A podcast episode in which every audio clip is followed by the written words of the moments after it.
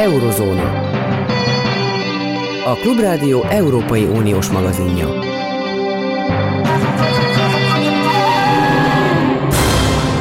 Jó napot kívánok, itt Zentai Péter beszél. Az, ami nálunk egy nagy amerikai konzervatív, főleg Donald Trumpot támogató szervezet konferenciáján amit Budapesten tartanak, ismétlem, történik, és ami mögötte van, az egyrészt összefügg, másrészt nem függ össze azzal a háborúval, ami Ukrajna és Oroszország között zajlik. Ami miatt összefügg, az az, hogy jól lehet a e mostani konferencia részvevői kinyilvánítottan e, Ukrajna oldalán vannak, de az a szellemiség, amit képviselnek, az egy az egyben ugyanaz, amit egyebek között a háború indokaként megjelölt, de egyébként is évek óta mond, nem más, mint Vladimir Putyin. Tehát egyfajta kettősséget érzek, sőt, mi több, egy szellemi kiegészítését a valós háborúnak. Tehet Péter eh, kollégám és eh, egyebek között ennek a témának is tudós megfigyelője Németországban dolgozik. Eh, a beszélgető partnerem nem először ebben a műsorban. Szervusz Péter, érdekel engem az, ahogy amit eddig elmondtam, az érthető volt-e számodra, követhető, illetőleg támogatható? Szervusz, és üdvözlöm a hallgatókat. Természetesen érthető volt. Valóban van egy ilyen sajátos helyzet, hogy a nyugati jobboldal ugye hagyományosan antikommunista, emiatt a Szovjetunióval és aztán Oroszországgal szemben is azért inkább elutasító volt, és mégis az új Oroszország, a Putyin Oroszország azért nem feltétlenül a szocializmusnak valamiféle fénylőcsillaga, hanem egyfajta új konzervatív gondolkodásnak próbál meg lenni a vezetője, ugye ezért támogat Nyugat-Európában is különböző új jobboldali, radikális jobboldali pártokat, és bizonyos kérdésekben valóban vannak átfedések. De hogy ez azért nem akadály abban, hogy valaki Ukrajnát támogassa Putyinnal szemben, arról ugye pont Lengyelország jó példa, hiszen az biztos, hogy Lengyelországnál akár Kaczynszkiné is keményebb kritikus a Putyinnak és jelenleg Oroszországnak nincs semmi közben egyébként Kaczynszkinak a családpolitikája vagy társadalomfelfogása se áll olyan nagyon messze egyébként Putyinétól. Ezért lehet látni, hogy valóban ezek a külpolitikai erővonalak azok nem feltétlenül fedik az ideológiai erővonalakat, vagy pedig az ideológiai erővonalak azok igazából csak egyfajta elfedésre szolgálnak, hiszen ugye Oroszország is, Putyin is sokféle ideológiát játszik be, tehát egyszerre játszik ezeknek a konzervatívoknak is, és feléjük eladja, hogy Moszkva lenne a kereszténység utolsó védőbástája, de közben azért játszik nyugati radikális baloldaliaknak is, akiknél egyfajta amerik ellenességre, szovjet nosztalgiára építve még mindig például mondjuk a szovjet jelképeket használja, hiszen ugye ebben az ukrán-orosz háborúban is megjelenik ez a kettőség, hogy Putyin nácitlanítani akar, szovjet zászlókat is ugye lobogtatnak az orosz katonák, ezek, ezekkel a szimbólumokkal azért ő inkább a nyugati radikális baloldal tudja megszólítani, de közben meg ugye elmondják, hogy Ukrajnában nem tudom én a meleg lobbit kell legyőzni és hasonló, az pedig a jobb oldal felé szóló üzenet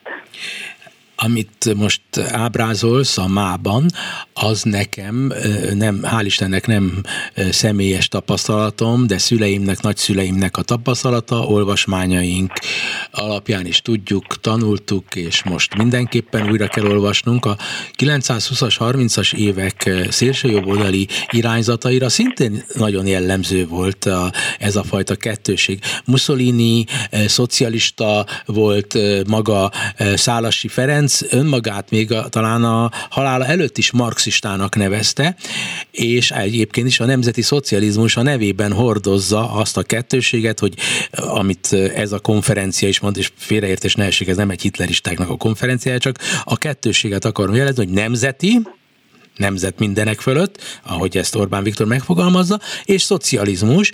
A szocializmusnak van egyébként egy keresztény szociális ágazata is, tehát nem úgy mondjuk, hogy szocializmus, de mindenütt Európában és a fejlett világban mindig is létezett ez a kettőség, és a trumpizmus az pedig azt látjuk, hogy igenis összehozta Amerikában az egyszerű dolgozó munkás tömegeket, az keresztény konzervativizmussal, és e, dúsgazdagokkal, akár ha most más nem említenék, Elon Musk a világ leggazdagabb embere is büszkén támogatja Trumpot, illetőleg a republikánusokat. Tehát ez, ez, ez nem valami vadonat újdonság, és majd elmondom, hogy számomra mi az újdonság. Szerintem sem, meg ugye egyébként meg az Oroszországhoz való viszony is mindig ambivalens volt, tehát e, Oroszország már, már amikor Szovjetunió lett, akkor is egyébként voltak olyan jobboldaliak a 20-30-as években, akik pozitívan viszonyultak e, hozzá, tehát mondjuk Kásmit, aki ugye egy ilyen új jobboldali konzervatív előgondolkodónak számít, ő pozitívan viszonyult még a lenini Szovjetunióhoz is, mondván, hogy az erő mutatkozik meg, a politikai akarat mutatkozik meg, és az még mindig jobb, mint ez a gyenge, nőies liberalizmus. Tehát a, gyakorlatilag az antiliberalizmus az, ami össze tudja kötni a szélső jobboldalt és a szélső baloldalt, és egyfajta anti-amerikanizmus is az, ami az Oroszországgal szembeni szimpátiát táplálja, akár jobb oldalon, akár bal oldalon. Tehát a liberalizmus elutasítása és a liberalizmusként azonosított Egyesült Államok elutasítása az, ami ezt az ambivalens helyzetet eredményezheti. Az, hogy a nemzet és a szocialista elem összekötődne Trumpnál, az tényleg, hogy ő meg tud szólítani szegény embereket, de azért a trumpizmus az igazából gazdaságpolitikában neoliberalizmus. Tehát nem véletlen, hogy ő neki már Joe Biden is marxistának és kommunistának számít, mert esetleg, tehát ugye a Trumpi gondolatvilágban már a, a társadalombiztosítás gondolata, az egészségbiztosítás gondolata valamiféle kollektivizációként jelenik meg, tehát ezért sajátos ez a, ez a jobboldali politika szegények számára, hogy valóban ezt a nemzetet hangsúlyozzák, és inkább én azt gondolom, hogy a szociális kérdésekben megmaradnak ők neoliberálisak, csak ezzel a nemzet szöveggel ö, le tudják nyomni ezeket a kérdéseket, és éppen, hogy nem a szociális ügyekre helyezik a hangsúlyt. Ugye gyakorlatilag erről szólt a fasizmus is, hogy hiszen a fasizmus is igazából nagy tőke érdekében tevékenykedett, nem véletlenül Mussolini mögött, vagy Hitler mögött is számos nagy is állt, hogy félve egyfajta szocialista forradalomtól megszólítani a szegényebb embereket, azokat, akik úgymond alanyai lehetnek egy szocialista forradalomnak, de nem ígérve nekik igazából valódi jólétet és szociális biztonságot, hanem a nemzeti retorikával az egész problémakört és az egész politikát újra keretezik. Tehát, mint hogyha a nemzet és a nemzetellenes erők, a nemzeti és a nemzetellenes erők állnának egymással szemben, és emiatt kevesebb szó esik adóból, adópolitikáról, egészségügyi politikáról, oktatáspolitikáról, hiszen az Orbán politikája se nevezhető szociálisnak ezen a téren, a Trumpé meg aztán pláne nem. Igen, e, ugye mi is ugye csak egy-egy részt tudunk kiemelni, hogy mennyire nem csak hogy ambivalens, hanem e, összevisszaság, és meg annyi e, provokatív e, gyújtóanyag sűrűsödik össze. Itt van egy, majd Budapesten egy amerikai konzervatív, radikálisan jobboldaliakat is felsorakoztató konferencia, és azok, akikkel együtt ülnek részben, ide-haza is, nyomják különböző célközönségeiknek az anti-Amerika szövegeket, de ha Trump lenne az elnök, és a trumpizmus lenne, akkor azonnal befognák a szájukat, holott Amerika akkor is Amerika marad, tehát itt nincs következetesség, de Amerika eleve más, mint Európa. Ami lényeg talán, amit érintettél is, hogy, hogy a, a fő ellenség egyfajta ilyen nőiesség, olyan kis álságos kif, finomkodás,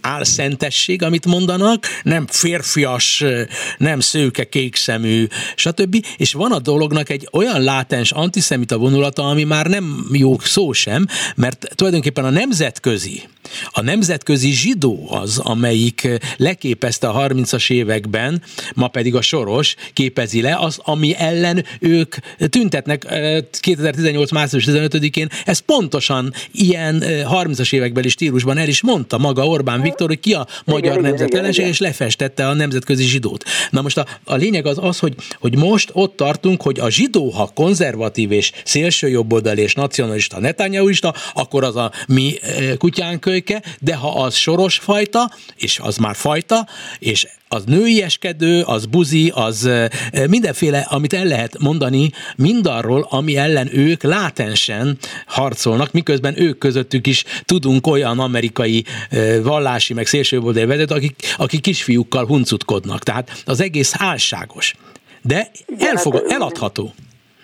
Igen, igen, hát valóban az antiszemitizmus az ugye, most ennek nagyon sok oka van, hogy ki miért antiszemita, de valóban ez a 20-as, 30-as években ez a nemzetköziséget jelentette, tehát ugye a zsidóság akkoriban egy olyan nép volt, amelynek még nem volt saját országa, számos országban jelen voltak, ezért mindig kapcsolódott egyfajta ilyen nemzetköziség, vagy idézőjelben gyökértelen, gyökértelenség a zsidósághoz, és akkor ezt azonosították vele. Na most azzal, hogy ma a zsidóság egy része ugye a saját országában él, vagy egy részük eleve konzervatív, vagy még akár szélsőjobboldali is lett, már nem a zsidóság ellen úgy általában irányul ez a retorika, hanem valóban most kiemelik, hogy a nemzetköziség, de ez, ez gondolatvilágában valóban a nemzetközi zsidó, meg a karvajtőke, meg a, a gyökértelen bolygó zsidó, meg hasonló toposzoknak megfelelő ellenségkép, csak már ezt nem így megfogalmazzák meg, valószínűleg egyébként sokszor taktikai okokból, hiszen tudják, hogy azért ma már antiszemitának lenni az nem túlságosan kifizetődő, vagy legalábbis ilyen direkt módon,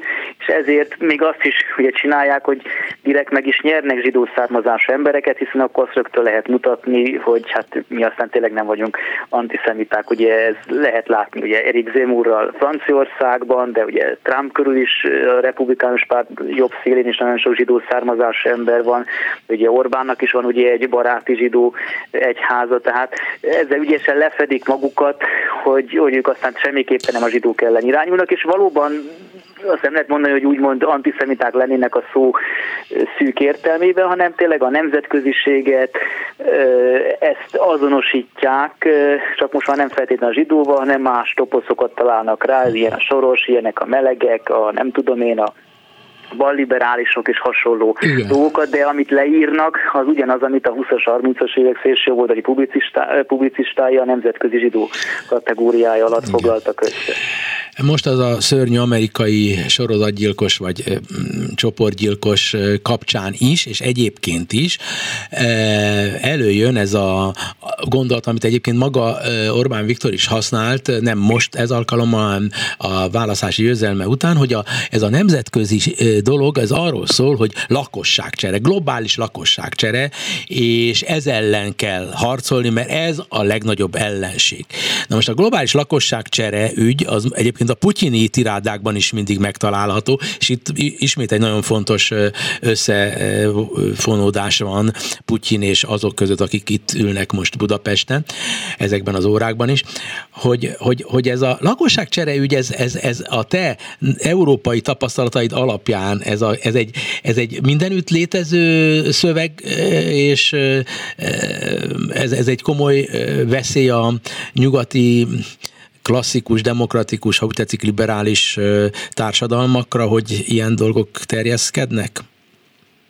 Hát maga ugye ez a, ez a lakosság csere, ez egy francia szélsőjobboldali filozófustól, még élőtől, Renaud Camus, nem összetévesztendő a Camus íróval, nincs semmi kapcsolatuk.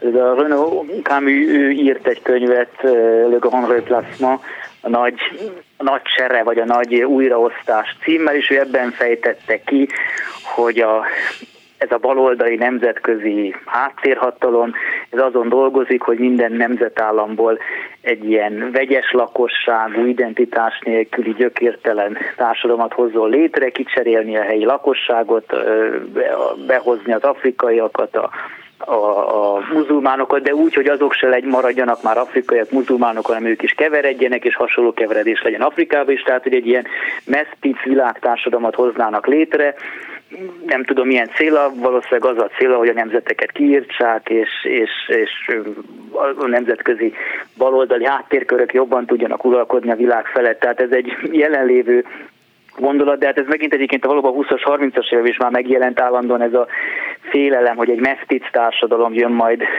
létre Európában, ahol majd keverednek az emberek. Csak hát ugye a történelem azért mindig volt keveredés, pláne itt Közép-Európában, azt nem kell különösképpen magyarázni, hogy az identitások azok teljes mértékben konstruáltak, és, és nem e, pontosan egymásról elhatárolhatóak, hiszen mindenkinek a családjában van cseh, szlovák, német, szerb, stb.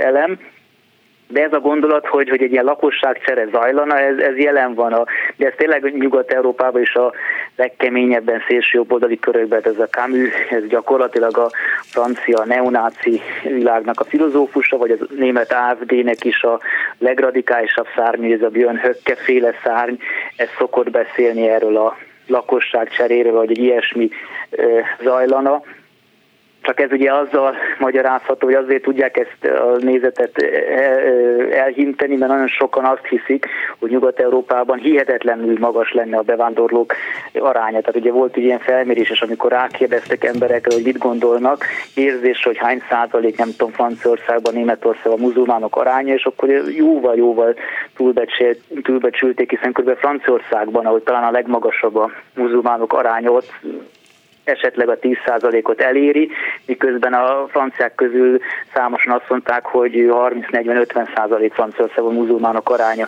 Tehát van egy, van egy ilyen érzés, de persze ez a lakosságcsere gondolattal rá is lehet erősíteni erre az érzésre, és ez a lakosságcsere gondolat, vagy amit ez a Kami megfogalmazott, ez gyakorlatilag egy összeesküvés elmélet, ami arról szól, hogy itt az egész vándorlás, ez nem egy nem egy történelmileg szükségszerű esemény, hiszen mindig volt a történelmi ugye a népvándorlás, hanem ezt valakik valamilyen háttérhatalom tudatosan mozgatja, hogy az európai nemzeteket megszüntesse és, és kiírtsa, hogy mindenütt egy mesztisztársadalom jöjjön létre.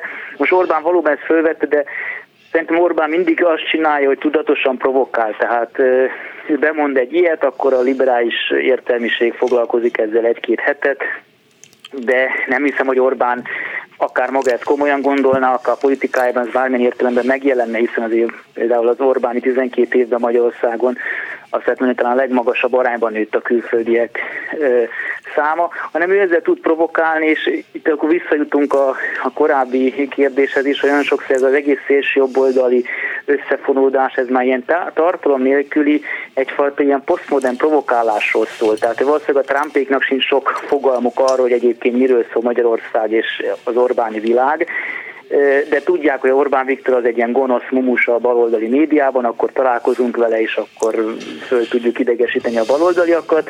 Az Orbán meg hasonló módon gondolkodik, hogy hát akkor ő most fölidegesíti a baloldaliakat, és Trumpot dicséri meg, előveszi ezt a nagy lakosságcsere gondolatot. Nagyon izgalmas, ahogy elmond. Ráadásul ugye Magyarország ez a nagy lakosságcsere gondolatra tényleg csak a vágyfülű a nyugati világot ismeri, úgymond liberális baloldali értelmiségek reagálnak, hiszen Magyarországon ez a ez a szó összetétel, ez nekem legjobb tudomásom szerint eddig nem jelent meg, tehát nem hiszem, hogy akár a Fidesz szavazóknak bármi er, er, er, erről eszükbe jutott. Más ország valóban ez a replacement, meg stb. Ez, ezek más országban használt kifejezések, néha Löppen is előáll ezzel AFD egyes politikusa is, és ott jobban tudják, hogy itt valóban ez a Camus féle összeesküvés elméletről van szó. Igen, érdekes, hogy most először a ismerettségünk során érzem azt, hogy te sokkal szelidebben és cinikusabban nézed a én szerintem viszont nagyon komolyan lesekedő veszélyt, mert én úgy gondolom, hogy az, hogy most nálunk ez nem ismert kifejezés, ez pillanatok alatt meg fog tör, változni, hiszen a migráns szót se ismerte 1993-ban szinte senki Magyarországon, a falusi emberek nem tudták, aztán mindenki használja. De hát ez nem egy ügy. Itt most ke, én, én ami miatt aggódom, és sajnos csak eh, három percünk van a csodába is. A lényeg, hogy, hogy eh, hogy ennek ez, ez, ez egy világméretű küzdelemnek a részévé tud válni, és azt merem állítani, hogy akár Orbán Viktorról van szó, akár Donald Trumpról, nekik ez a természetük, ez a jövőjük, hogy mindenáron a lehető minden eszközzel a saját játékszabályik szerint végigcsinálni ezt a dolgot, és vinni tovább. Legyen konfrontáció. Mindegy, hogy milyen konfrontáció, de legyen ebből konfrontáció, mert végső győzelemhez akarnak jutni, és e felől nekem nincs igen, kétsége. Biztos, én csak abban az értem vagyok talán optimistább, hogy azért mondom, hogy ez, az, ez a radikális jobb oldal, és ez sok kérdésben elég csak, hogy Oroszországhoz viszony megnézni. Megosztott, azért Orbán két éve ígérgeti már majdnem az új európai pártcsaládját, egyelőre ebből semmi nem jött össze, és látható, hogy Meloni már ugye az olasz neofasiszta politikus nő gyakorlatilag már teljesen eloldotta magát Orbántól, tehát valóban mindent megvannak ezek a provokatív elemek, de azért ezek nem tudnak még összeállni egy nagy táborrá, és egyelőre leginkább Orbán az, aki ennek egy erős figurája, azért minden más országban azt láthatjuk, hogy a hatalom közelébe egyelőre nem kerültek ezek az erők. Hát Magyarországon a hatalom közelébe kerül. ország, hogy egy magába a világot lángba borítsa. Tehát nem hiszel abban, hogy, hogy Közép-Európa megint egy ilyen különleges szellemi központ, magyar központ, más lengyel.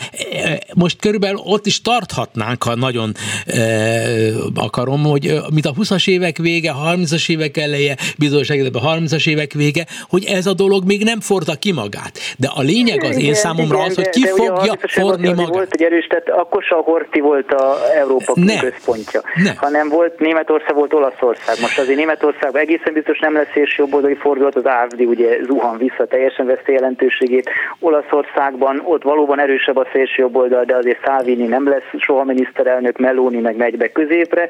Közép-Európában pedig maximum Kaczynszkival hasonlíthat össze Orbán, de azért Kaczynszki egy más kaliberű ember, neki azért vannak elvei, nagyon orosz ellenes, Lengyelországban akár még el is képzett egy változás, és ha meg a csehekre, szlovákokra, a szlovénokra vagy a románokra nézünk, akkor ott meg egészen más politika folytatódik, mint Magyarországon.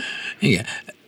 Én, én meg valamilyen bizonyíthatatlan okoknál fogva, számomra is bizonyíthatatlan okoknál fogva, az orosz ö, ö, háború végtelenítésében látom a problémát, illetőleg Putyin ö, maradásában, és hogy annak az van biztos, egy ilyen hatása. Az, az a probléma, de egyébként, hogy kicsit cinikusan nézve, minél végtelenebbé válik Putyin hatalom és az orosz háború, annál inkább ez a törésvonal a szélső jobb oldalon meg lesz, hiszen Kaczynski nem fog Putyin pártivá válni azért, mert Putyin hosszabban csinálja a háborút, a Korbánnak kell valamit lépnie. Tehát igazából a szélső jobb megosztottsága fönnmarad, minél tovább tart az ukrán háború, most ez bármennyire cinikusan hangzik.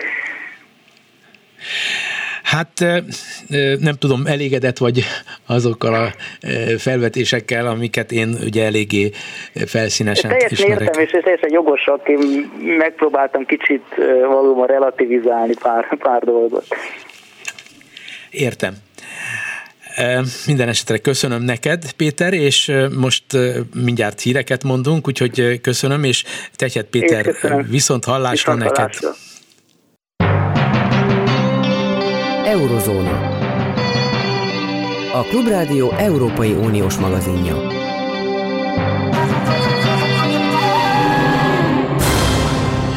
A magyar kormányhoz közeli sajtóban, eh, sőt a kormánynak tanácsokat is rendszeresen adó szellemi műhelyek egyikében, másikában egyre inkább hallani azt, hogy valójában proxy háború zajlik Oroszország és Ukrajna között. Ez azt jelenti, hogy nem ők a főszereplők, hanem valakik mozgatják őket.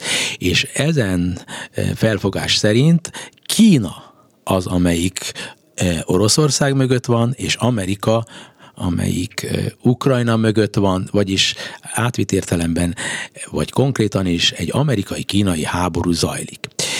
Dobozi István Amerikában, Floridában élő közgazdász, a Világbank volt vezető tanácsadója, az riportalanyom, de nem csak ezért hívtam föl, mindjárt köszönök is neki, jó napot kívánok, akár most megtehetjük ezt, és még folytatom egy pillanatra.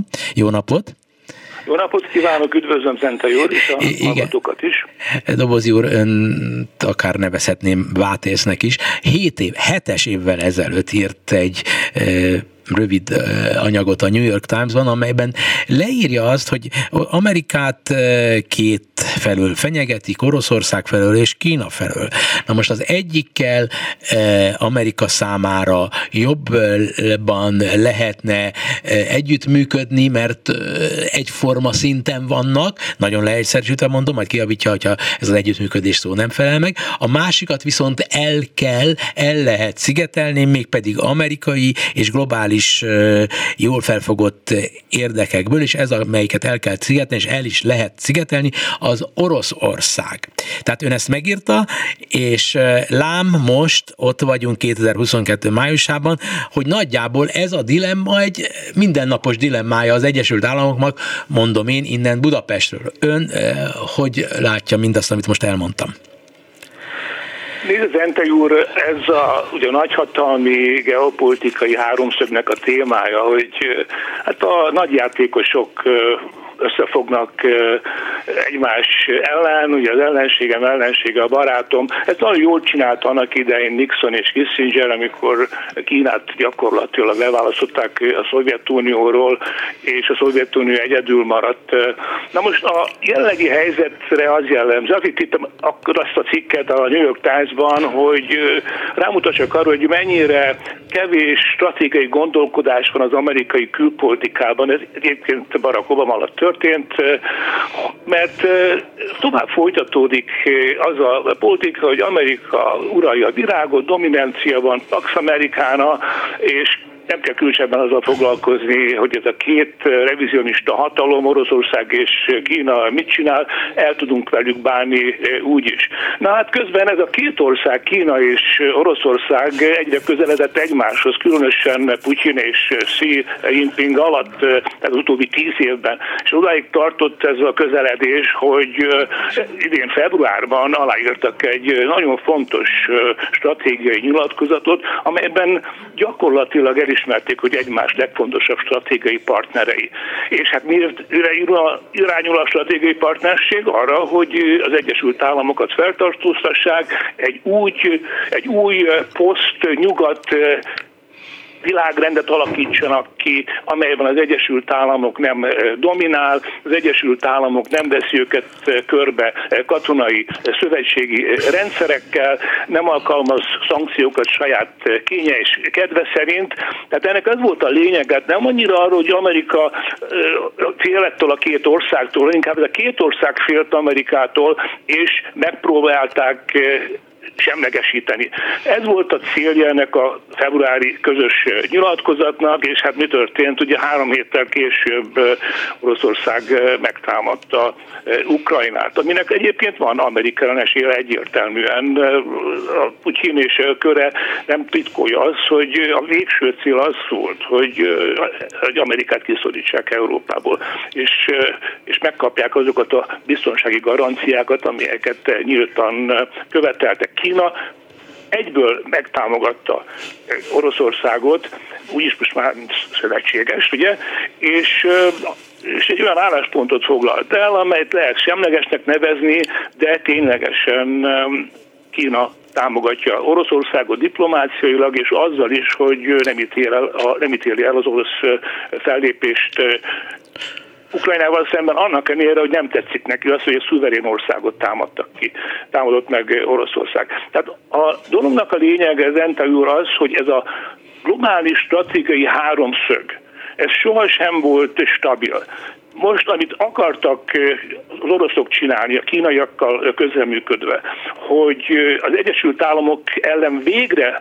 szövetkeznek, összefognak, és úgy próbálják a Pax Amerikánát gyöngíteni, hát sajnos az ellenkezője jön ki ebből, mert ha Oroszország meggyengül, akkor Kínának egy olyan partnere lesz, amelyel még nehezebb lesz az Egyesült Államokat a helyére tenni. Azt lehet mondani, hogy pillanatnyilag ez a küzdelem az amerikaiaknak a legjobb, hiszen eh, a vezető szerepüket eh, visszaszerezték az, az Európa és az USA közötti korábban ingadozó stratégiai szövetség megint olyan szilárd, mint valaha, és most már látjuk, hogy eh, hogy Biden elnök Ázsiába utazik, megnyugtatni az ázsiaikat, hogy a kínellenes demokrácia ligát folytatjuk és kiépítjük az ázsiai nato -t. Tehát így áll ez a, a stratégiai háromszög pillanatnyilag mozognak benne az elemek, de legjobban pillanatnyilag Amerika áll ebből a, ebben a szemp, ebből a szempontból az eredmény tekintve, de ugye azért itt most itt nálunk, ön ezt nem tudhatja,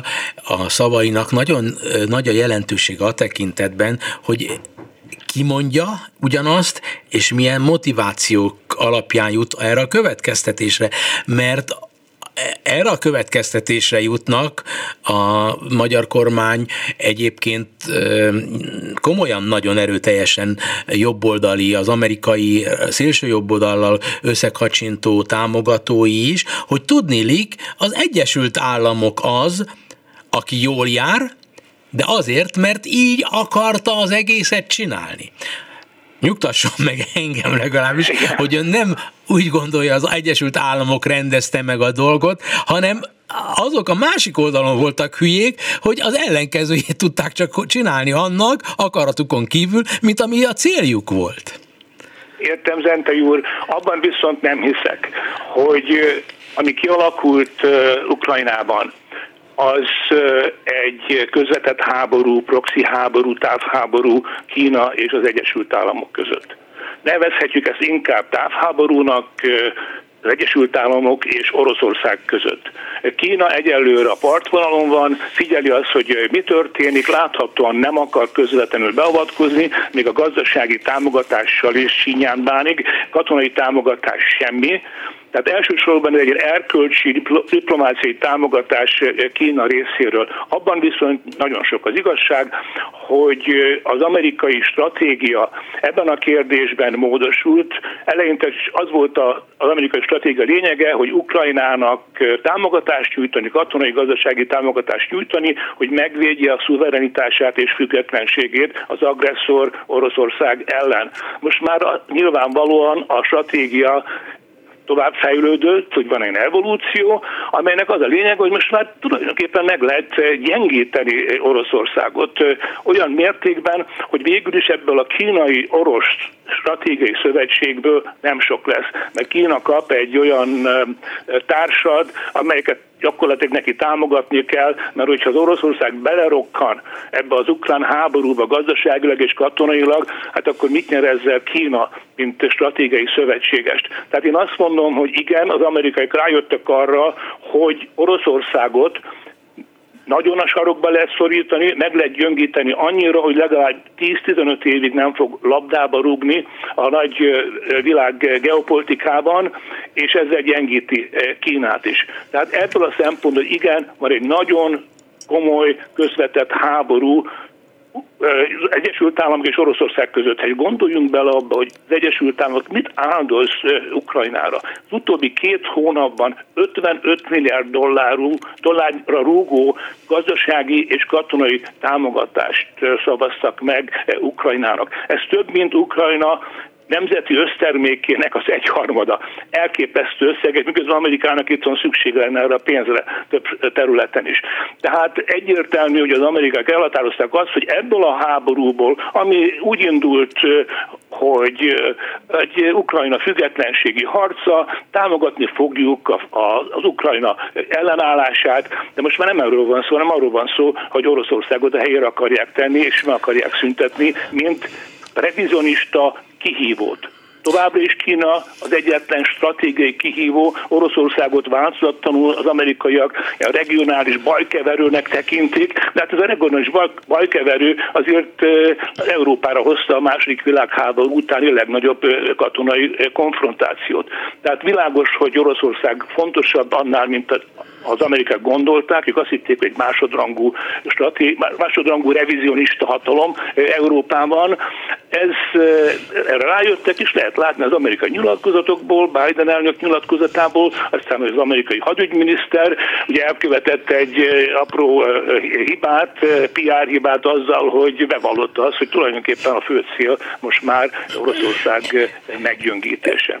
Rendszerváltást is szinte vizionált, de, de az ön szavaiból számomra feketén-fehéren az derül ki, és hát ha a hallgatók számára ez nem világos, hogy útközben jött rá Amerika arra, látván a kínai passzivitást, illetve látván, hogy a kínaiak nem hülyék, és nem csak hülyék lesznek azáltal, hogyha egy e, ilyen helyzetben lévő Oroszországot elkezdenek támadni, mert nem tudnak igazából nyerni. De nem Amerika tervelte ki ezt a háborút. Ezt a háborút Oroszország választotta, ő választotta a háborút, és nem Amerika kényszerítette ebbe a háborúba. Útközben lehet gondolkodni, hogy mi ebből esetlegesen a tanulság. És ez nagy különbség. Nem agresszor az Egyesült Államok és nem provokátor. Azt nem mondtam, véletlenül is akartam még utalni, a fű alatt sem, itt egyértelmű, hogy ki a, a hibás. Ugye az örökös orosz imperializmus.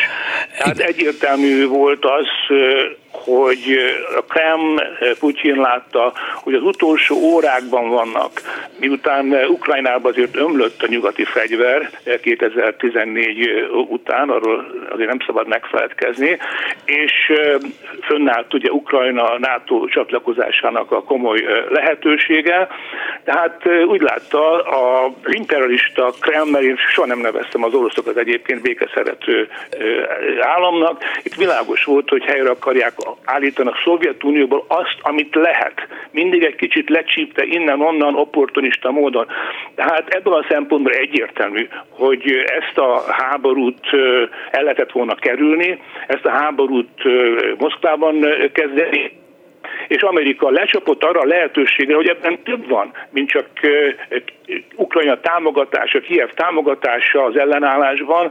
Itt az agresszort meg lehet tartósan büntetni, gyöngíteni, erős gazdasági szankciókkal, és különben is le fog gyengülni a katonai ere is azzal, hogy megszűnik az import, beleért a csúcs technológiai import, és az energiaexport is alá fog hagyni. Tehát egyértelmű, az amerikai itt opportunista módon rájöttek arra, hogy ebben több lehetőség van, mint azt kezdetben látni lehetett. Nem azt mondtam, hogy Amerika... Persze, csak a, én akartam a hallgatóknak, hogy, hogy egyértelmű legyen, Igen. mert látjuk természetesen, hogy Amerika egyre inkább belebonyolódik ebbe a háborúba, de ezt nem ők tervezték ki, és ez nyilvánvaló az én számomra, az ön számára, és úgy induljunk ilyen beszélgetéseknek, hogy mi tudjuk, hogy merre hány méter alapvetően, de nagyon sokan a világban, akik nem ennyire éberen figyelik a fejleményeket, ez nem egyértelmű, de Kína. Kína a világ igazán nagy eh, konkurense az Egyesült Államoknak és a nyugatnak, a fejlettségét ön folyamatosan eh, szakemberként figyelte, hogy hogyan jutott el idáig. Mi a az ön eh, prognózisa Kína háború követő világszerepéről és a kínai-amerikai viszony várható esetleges komoly változásairól. Nézze, itt egyértelműen tudom, hogy mire akar rákérdezni, itt Tajvanról van szó. A következő 9-11-es jelenség, mert én úgy nevezem az ukrán háborút, mint Európa 9-11-je, tehát szeptember 11-én. A terrortámadásra New Yorkban 2001. szeptember 11-én ennek legalább akkora történelmi hatása lesz Európában, már is van. A, egy ilyen 9-11 Ázsiában Tajvan megtámadása lehet, és nagyon jól tudjuk, hogy ez be fog következni. A kínaiak, különösen a kínai elnök, Xi elnök ebből nem is csinál titkot, hogy ez a történelmi feladata Kínának, és ha nem lehet békés úton az egyesítést megvalósítani, akkor megvalósítjuk erőszakosan. Tehát Kína nagyon szorosan, feszülten figyeli ebből a szempontból is az ukrán háborút, mert a tanulságok azért elég jelentősek. És számomra az a legfontosabb, hogy miközben Kína izmosodik, erősödik katonailag is, gazdaságilag is. Ha belegondolunk abba, hogy már a kínai gazdaság nagyobb, láss előre paritáson mérve, mint az amerikai, nagyobb a hadseregük, a lakosságról nem beszélve, technológilag fejlődnek, Kína világ legnagyobb hitelezője. Tehát a kínaiak felkészültek arra, hogy hogy Tajvan annektálásán gondolkozzanak. Ugyanakkor látják azt, hogy ez nem egy egyszerű feladat. Mert a nyugat erre fel tud készülni. Az Egyesült Államoknak az álláspontja Tajvannal kapcsolatban ugye közismert. Ugye a stratégiai kétértelműség, strategic ambivalence. Na most ez mit jelent? Azt jelenti, hogy több lehetősége, opciója van Tajvannal kapcsolatban az Egyesült Államoknak, mint Ukrajnával kapcsolatban. Nem kizárt az, hogy annak a megelőzésére, hogy a kínaiak végül is megtámadják Tajvant, előzetesen amerikai csapatok jelennek meg Tajvanon. Tehát a stratégiai kétértelműségnek ez mindig is része volt. Tehát Kínának nagyon el kell gondolkozni azon, hogy, hogy mit csinál, hogyan csinál, és a, a tanulságok nagyon is megvannak, amelyeket levonhatnak az ukrán háborúból, és biztos vagyok benne, hogy Xi Jinping elnök körül van egy csapat, amik kimondottan ezzel a kérdéssel foglalkozik. Például nem lehet elhúzódó háborút. Ha csinálunk valamit Tajvannal szemben, az blitzkrieg kell, hogy legyen. Kínai alapon, nagyon jó kitervezve, pár nap alatt, vagy inkább eh, ne csináljuk. El kell készülni a szankciókra megdöbbentő az, hogy az Egyesült Államok milyen gyorsan világméretű szankciót tudott Oroszországgal szemben összehozni. Kínának ezzel is számolni kell. Kína már is elkezdte szankciómentesíteni és, és embargómentesíteni a gazdaságát. Ez már folyamatban volt, de biztos vagyok benne, tovább erősödik. Például nem fogják elkövetni azt a elképesztő hibát, amit az oroszok csináltak, hogy a devizatartalékuknak a felét több mint 300 milliárd dollárt külföldi bankokban tartották, miközben egy világ háborús dimenziójú inváziót intéznek Ukrajna ellen, egy középhatalom ellen, elképesztő hiba volt. És hát a kínaiakért nem fognak csinálni, kivonják már is, kezdik, elkezd, a folyamat beindult, a pénzüket, sőt a befektetéseiket is Amerikából és Nyugat-Európából, hogy ne legyen mit ugye majd befagyasztani. Egy óriási stratégiai hiba volt az oroszok részéről. És folytatni lehetne a sort a tanulságok tekintetében, tehát az biztos, hogy ahogy Amerikában is számítanak erre, hogy ebben az évtizedben Kína meg fogja támadni Tajvant. És a, ennek a következményei még nagyobbak lehetnek, mint Ukrajna esetében, mert Tajvan fontosabb ország, mint Ukrajna a világ számára. Rendkívül fontos technológiai hatalom, és annak ére, hogy a népessége csak 24 millió, 44 millió Ukrajnához képest, egy rendkívül fejlett országról beszélünk, amely nagyon jó az USA-nak, mint ellensúly ellenpont Kínával szemben. Tehát a kínaiaknak föl kell mérni az, hogy az amerikai szövetségi rendszer milyen lesz Tajvan megtámadás esetén, milyen szankciókra, embargókra lehet számítani, például az embargók esetén nyugodtan lehet arra számítani a kínaiak részéről, hogy tengeri blokkádot hirdetnek meg az amerikaiak. Például teljesen leállítják a olajszállításokat tankerekkel Kína felé. Ezt meg lehet csinálni. Tehát a, biztos vagyok benne, hogy ezekkel a következményekkel, lehetőségekkel Kínában nagyon ö, ö, számolnak.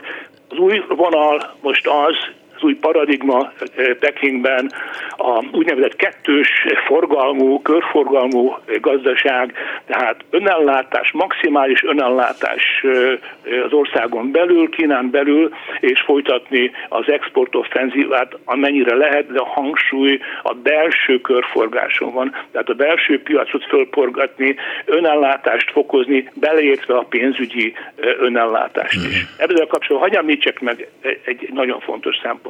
A kínaiak látják azt, hogy micsoda sikerrel használják ki az amerikaiak pénzügyi szankciókat. Például, hogy Oroszországot, annak idén Iránt kizárták a SWIFT pénz átutalási rendszerből, amelyik Amerika ellenőrzése alatt van, tulajdonképpen egy nemzetközi konzorcium.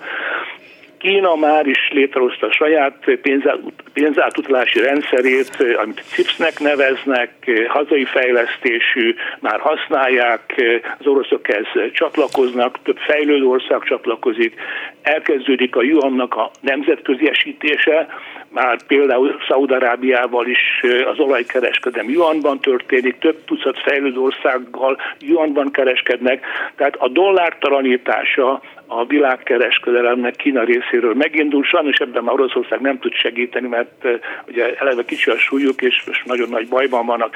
Tehát a yuan, az, az elektromos yuan, az e-yuannak a bevezetése, a digitális yuannak a bevezetése olyan megtörtént, és most a szárnyait bontogatja. Ezek mind olyan törekvések, hogy az Egyesült Államok szankciós lehetőségeit minimalizálják. Tehát Kína akkor, amikor úgy érzi, hogy fölkészült arra, hogy a szankciók, az embargók kiskárt tudjanak okozni Kínának, és katonailag képes Tajvant napok alatt villámháború formájában elfoglalni, akkor lesz támadás, nem fogják elkapkodni.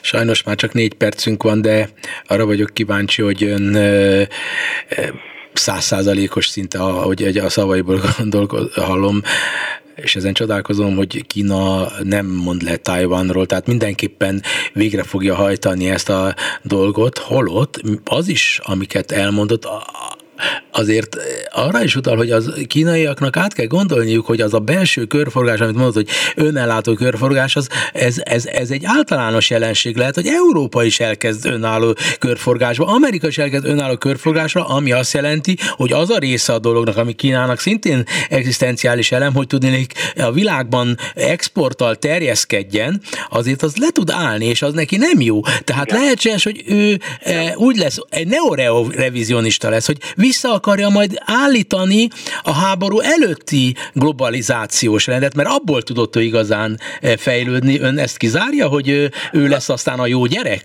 Aki... Nagyon, nagyon jó a felvetése, bár én más irányba mennék el. Nagyon jó a felvetés abból a szempontból, hogy a, ez a világrendszer, nem véletlenül beszélünk 9-11-ről, szeptember 11-ről, tehát olyan hatású eseményről, mert ilyen lenne, hogy ahogy mondtam, Tajvan is. Az biztos, hogy már most az Egyesült Államok vezetésével beindult egy olyan deglobalizálása a világkereskedelemnek, nemzetközi pénzügyeknek, amelyet úgy is lehetne nevezni, hogy blokkosítása, globalization light, tehát egy olyan formája a globalizációnak, amely kirekeszt tudatosan főszereplőket a rendszerből, mint például Kínát, Oroszországot. Tehát ezzel számolni kell, hogy Kína itt veszíteni fog, mert Kínát azért ki lehet zárni a, globális rendszerből bizonyos fokig nem annyira, mint, mint mint Oroszországot, de ezzel a blokkosítással, meg az új koncepcióval, amit bevezettek, hihetetlenül népszerű vált Amerikában, az úgynevezett a onshoring, ugye, ez, ez volt régen, hogy visszatelepíteni az amerikai vállalatokat Kínából az Egyesült Államokba, hogy a kínálati láncok ne legyenek olyan sérülékenyek. Most már az új koncepció a friend shoring. Tehát olyan helyekre, olyan országokba helyezni a termelést az érzékeny termékeknél, mint, mint félvezetők, gyógyszerek, kritikusan fontos ásványi nyersanyagok, lítium, kobalt, stb., amelyek, amelyek barátai az Egyesült Államoknak. Tehát a friendshoring szándékosan kizárnák Kínát ebből a rendszerből. Tehát a globalizációnak egy olyan folyamata indulhat be, már is beindult, bár még nem gyorsult be, amelynek, ami kizárná Kínát. Tehát Kínának ezzel számolni kell, hogy ebből vesztessége lesz. De Tajvan olyan történelmi feladat, a 12 történelmi feladat közül az első, amit Xi elnök megkérdetett, hogy itt nem ismernek kompromisszumot, és minden áldozatot hajlandók vállalni. Tehát, hogyha lesz egy ilyen támadás, tehát Kína kirekesztése, friendshoring, kínaiak ezt vállalják, közben felkészülnek erre azzal, hogy a belső termelést, az önellátást, beneértve a pénzügyi önellátást csúcsra járatják. Roppant izgalmas amiket elmondott, és sokunk számára valóban újdonság erejével hat.